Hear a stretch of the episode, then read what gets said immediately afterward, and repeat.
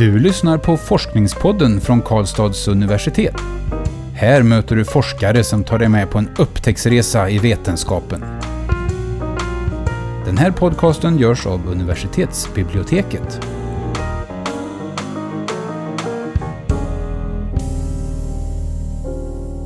Hej och välkomna till Forskningspodden. Eh, idag är det jag, Magnus, som sitter här i studion och eh, jag gästas av dagens huvudperson, det är Sara Davoudi. Välkommen Sara till, till oss. Tack så mycket. Du är doktor i företagsekonomi eh, och det kanske förvånar någon att en företagsekonom intresserar sig, eh, som du gör i din forskning, för kollektivtrafik. Eh, och det är, för det är någonting som styrs ytterst i alla fall av myndigheter. Men kan du börja med att berätta då, vad, du, vad det är du forskar om egentligen?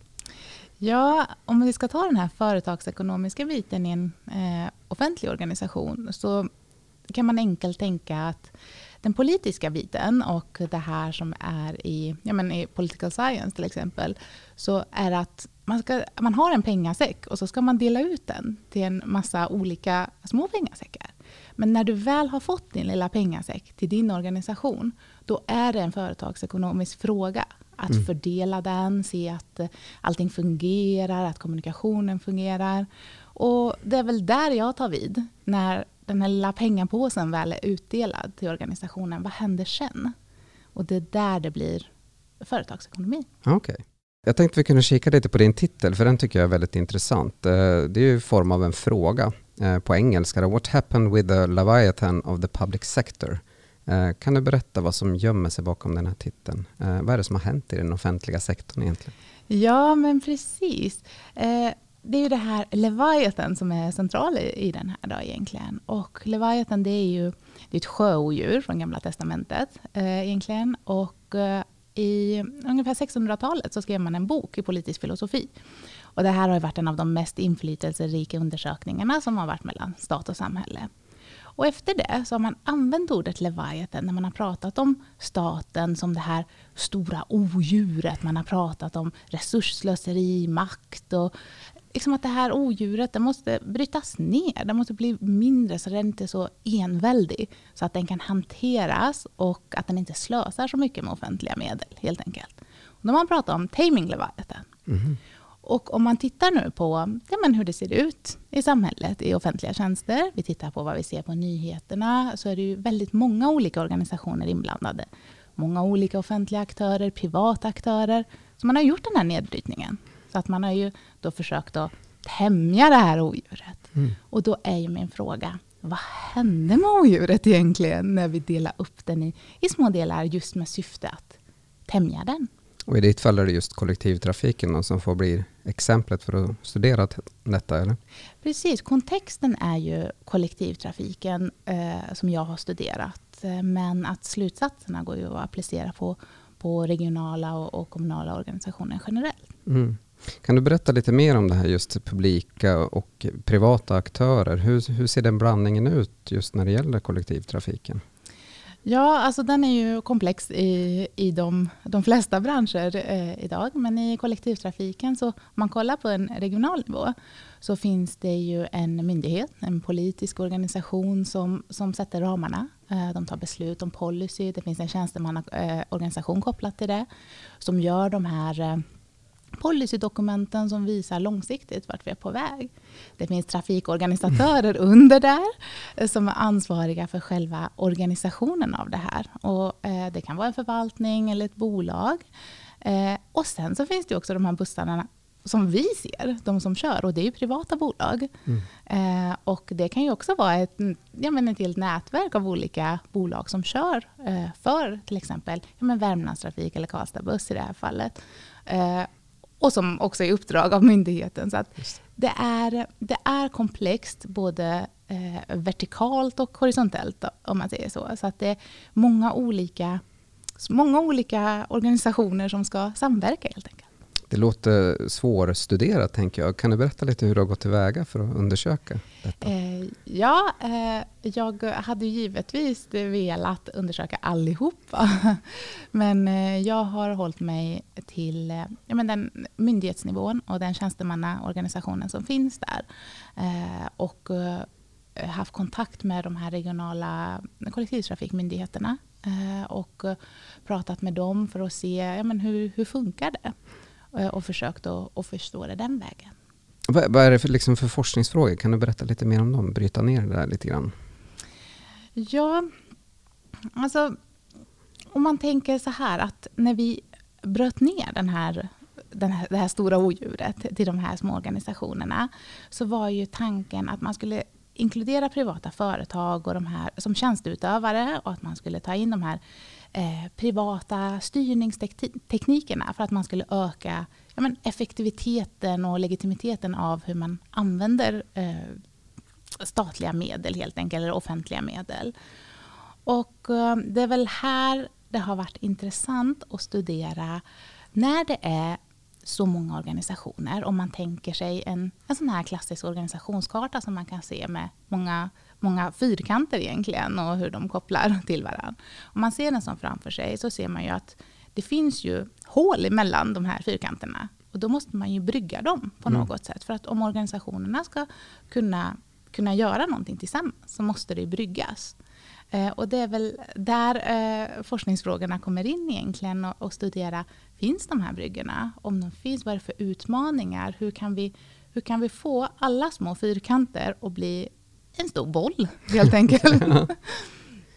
Ett begrepp som du har, eh, om vi kikar på undertitel på, på avhandlingen, The Challenges of Vertical Coordination in Regional Public Organizations and its effects on, on public value. Jag skulle vilja liksom haka tag i det där vertical coordination eller vertikal koordinering kanske på svenska knyter an till det som du precis berättade om den här överbryggningen mellan de olika bitarna. Ja, precis. Att om vi tänker igen på den här eh, organisationskartan, att det är många fyrkanter eh, som står på rad helt enkelt. Att det är myndighet och så är det organisatör och så är det operatör.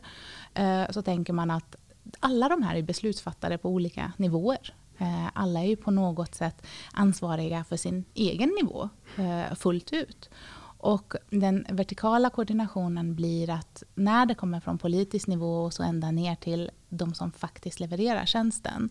Eh, hur går den här vertikala kommunikationen till? Alltså både uppifrån och ner och nerifrån och upp egentligen. Mm. Mm, okay. Och du nämnde ju där att det kanske inte har fungerat så effektivt som eh, det skulle kunna göra. Kan, kan, du berätta hur det kommer sig? Vad är det egentligen för, för resultat du har fått i din undersökning? Ja, alltså det jag kommer fram till är att de här organisationerna är ju det är inte bara fyrkanter som ser likadana ut, utan de, det är så mycket mer i dem. Det kan vara olika mål, olika tolkningar av lagar och policyn. Eh, det kan vara både synliga och osynliga barriärer. Det kan vara olika relationer man har mellan de här historiskt sett, olika agendor, eh, personliga agendor. Eh, och om det finns en gemensam förståelse eller relation och så. Mm. Och alla de här sakerna gör ju att det blir ganska mycket utmaningar i att föra ihop alla de här organisationerna. Och ju fler organisationer, ju mer komplext. Och det, om man tänker till exempel på Ja, men om vi slår på tvn idag så hör vi ganska ofta om ja, men äldreboenden, om LSS-boenden eh, eller kollektivtrafik eller SIS. Och oftast är det ju, vem är ansvarig? Mm. Är det den offentliga sektorn, är det regionen, är det den, eh, det nationella, är det det privata företaget? Och eh, det är inte helt lätt att förstå det här. Och det som jag kommer fram till är att det är inte nödvändigtvis så att någon av de här organisationerna eh, menar illa, utan alla vill väl, men inom ramen för sin fyrkant. Mm. Och en privat organisation, ett privat företag, har ju ett annat, kan ha ett annat mål än vad till exempel myndigheten som, som skrev den här policyn hade. Och då kan det ju faktiskt krocka med varandra. Och utmaningen är hur får vi det här att inte krocka? Mm. Men, eh, upplever du, alltså när du har samlat ett eh, material, och så finns det en förståelse inom de här olika organisationerna för den problematik som finns, eller finns det en omedvetenhet kring det också? Jag tror det är lite blandat. Eh, det finns självklart en förståelse att det här är komplext och att det är många organisationer och att det, det, går inte ens att rita upp det på ett papper för det är tredimensionellt dessutom. så att det finns det helt klart för att det är, det är svårt och att det är många utmaningar. Men jag tänker att just att de här utmaningarna på, kan vara på en sån otroligt personlig nivå. Okay. Det kan jag tänka mig att eh, det är någonting som jag tillför här. Mm. Ja, du skriver i, i din eh, baksidestext också att lösningen på den problemet med den här vertikala koordineringen kan vara att fokusera just på interaktionen mellan individer. Kan, mm. kan du utveckla det här lite grann? Ja, väldigt ofta när vi har ett problem, eh, om man till exempel tänker på ja, men vad organisationen man själv har varit delaktig i, så kanske man omorganiserar. Eh, att eh, det här fungerar inte så vi gör en ny organisation. Eh, det som är, är ju att även om vi omorganiserar så är det ju samma människor. Och eh, de här människorna har ju ett yrkesmässigt arv med sig. Eh, att man, man ser på saker på ett speciellt sätt. Man tror att det här är det bästa sättet att lösa det på.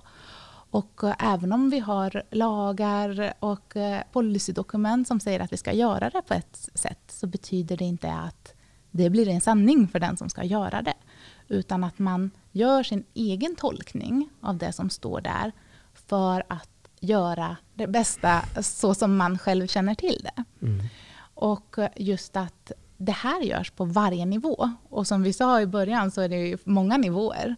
Och man skulle kunna tänka på det, men tänk som en, en viskningslek. Eh, och att eh, vi är ju alla där för att höra vad, vad det är vi ska säga. Och så börjar jag säga någonting och så viskar jag det till dig. Och du vill ju inte tolka det annorlunda, men du tolkar det ju baserat på, på den du är och det du hör och din förståelse av det och dina förutsättningar. Och så går det vidare. Mm. Och oftast med visslingsleken så är det ju så att den sista eh, säger ju inte det som den första sa. Men eh, det var ju ingen här emellan som ville tolka det annorlunda. Och det är väl just det här som jag, jag tycker det är väldigt intressant. Och hur, hur kan man gå vidare med, med det liksom resultatet? Hur, eh, är det någon form av utbildning, lärande som behöver komma till stånd? Eller hur kan man liksom få individer att eh, inte viska olika till varandra, tänkte jag säga. ja, men precis. Och, och det är ju här det är intressant. Den här avhandlingen lägger ju fram lägger fram själva utmaningen. Mm. Och i en vidare forskning så skulle jag vilja titta på, ja, men hur gör vi nu då? I 20-30 år har man nu diskuterat en, en ny reform där det ska bygga mer på en gemensam förståelse. Det ska bygga, eh, handla om relationer och vi pratar väldigt mycket om det i offentlig sektor också.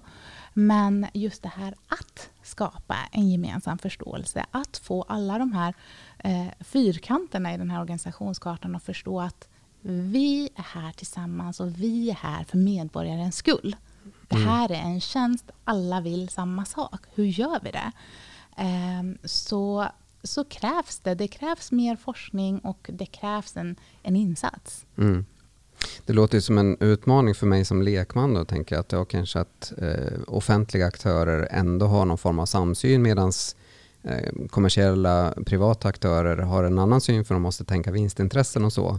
Eh, att det skulle vara svårare att få eh, just blandningen av publika och eh, privata aktörer att samarbeta. Att det skulle vara svårare, men det, så kanske det inte alls är, eller? Det är ju lite krångligare än så till och med, för att de offentliga organisationerna vill inte nödvändigtvis samma sak heller. Nej, eh, och, eh, men det är ju ändå så att även de här privata organisationerna, de är ju där. Eh, det är ju ingen hemlighet att de är till exempel vinstdrivande. Eh, utan det här är ju eh, ideologier man har tagit in i offentlig sektor just för att man tror att det här är the way to go. Det här kommer legitimera sättet som vi använder eh, skattemedel på för att det är mer effektivt till exempel. Mm. Så man har ju gjort det eh, av den anledningen. Eh, problemet blir väl just när det här, de här kontrakten och allt det här ska samklinga. Eh, så när man väl genomför tjänsten, att när du åker den här bussen så blir det så bra som möjligt för dig. Är det det som är, slutmålet här så att säga? Eller vilka vinster skulle man kunna få av om, om de här individerna kunde kommunicera bättre med varandra och att vi fick en mer effektiv organisering av detta? Vad är det som man kan tjäna på det? Framförallt kan man ju tjäna på att eh, göra medborgaren nöjd.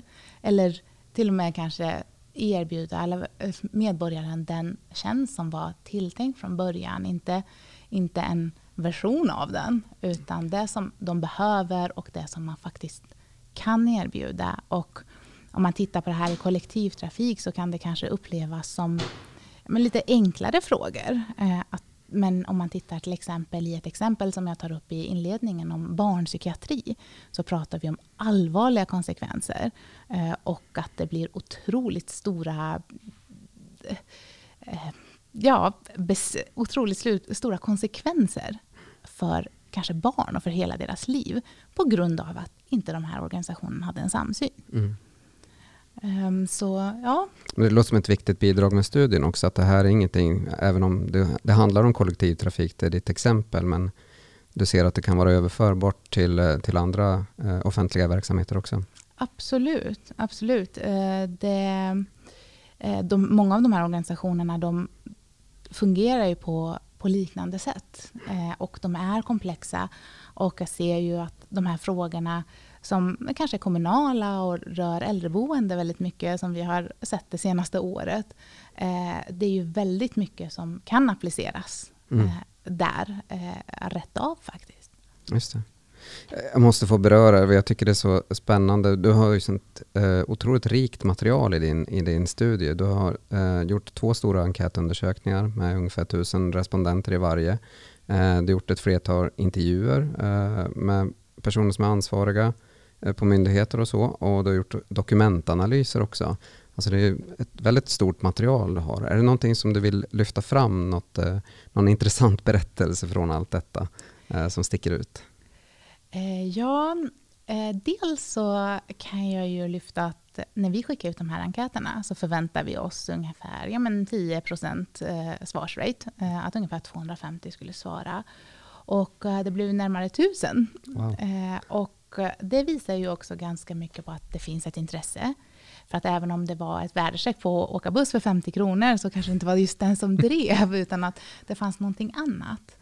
Eh, och sen så tycker jag, och det har jag haft med mig genom hela, alla dessa år, och det är att när jag började med det här så var det kollektivtrafikmyndigheter som ringde mig och sa vi har hört att du har börjat med det här, får vi vara med? Eh, mm att det fanns ett intresse, att de såg att okay, någon börjar titta på det här. Hur, hur kan vi vara med och hur, hur kan vi lära? Och det hade jag med mig väldigt nära hjärtat hela vägen. Att eh, jag kanske faktiskt kan bidra till någonting på riktigt. Eh, så att det är väl de sakerna som, som, har, ja, som jag skulle vilja lyfta i så fall. Mm. Eh, vem hoppas du kommer att läsa din avhandling? alla, självklart. Men framför allt så önskar jag att regioner, eh, alltså anställda på regioner, beslutsfattare och även i kommuner, att man tittar på det här så att man ser de här utmaningarna och man skapar sig en förståelse på hur det här kan påverka deras organisation. Mm. Eh, och så ta, ta till sig det och ja, så att de kan göra, skapa den bästa tjänsten som möjligt för medborgaren. Så att det, det är de jag hoppas på. Mm. Jag funderar forskningsmässigt sådär, har du fått med dig några frågor som du kan gå vidare med? Uh. Absolut. Eh, vi pratade om det här med vertikal eh, koordination. Mm. Eh, och så finns det ju något som heter horisontell koordination och det är ju eh, alla de här myndigheterna som är bredvid varandra också. Och alla olika organisationer och myndigheter om man tänker på om vi håller oss till kollektivtrafik, så tänker vi att det finns ju, ja men det är ju inte bara de här som jag har pratat om, utan det är ju också de som skottar vägarna, det är Trafikverket, eh, det är så många fler som är inblandade för att du faktiskt ska kunna åka ner till stan med bussen. Och eh, jag tänker att det är minst lika spännande att eh, studera vidare den horisontella koordinationen. Men också just att ta det här vidare, att nu när vi vet vad utmaningarna är, hur gör vi då? Mm. Så ja. Det låter superspännande. Um, du, Sara, det börjar bli dags för oss att avrunda, men den sista frågan. Du har ju tagit en lång väg, det, som ju är för alla doktorander, att komma fram till disputationen och doktorstiteln. Eh, vad har du för råd till eh, dina yngre eller nyare doktorandkollegor som eh, ska börja den här resan nu kanske? Hur gör man sig för att ta sig fram? Ja, det är ju det är en väldigt, väldigt komplex fråga hur man gör för att ta sig fram. Men mitt råd är i alla fall att till slut så är det, det är du och avhandlingen som står där. Mm. Och eh, jag brukar säga att avhandlingen har levt sitt eget liv och vi har levt den tillsammans.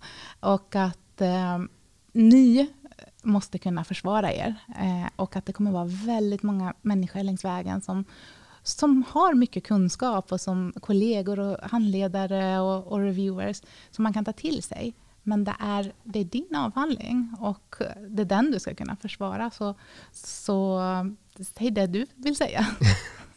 Jättebra, säg det du vill säga. Eh, stort och varmt tack Sara för att du har gästat Forskningspodden idag eh, och lycka till med ditt fortsatta arbete. Tack så mycket. Och tack också till er som har lyssnat idag. Eh, vill ni läsa Sara Davoudis eh, doktorsavhandling så finns den att ladda ner från vår publikationsdatabas eh, DIVA. Ni är välkomna tillbaka till nästa avsnitt. Du har lyssnat på Forskningspodden från Karlstads universitet. Den här podcasten görs av universitetsbiblioteket. Alla avsnitt hittar du på kau.se forskningspodden.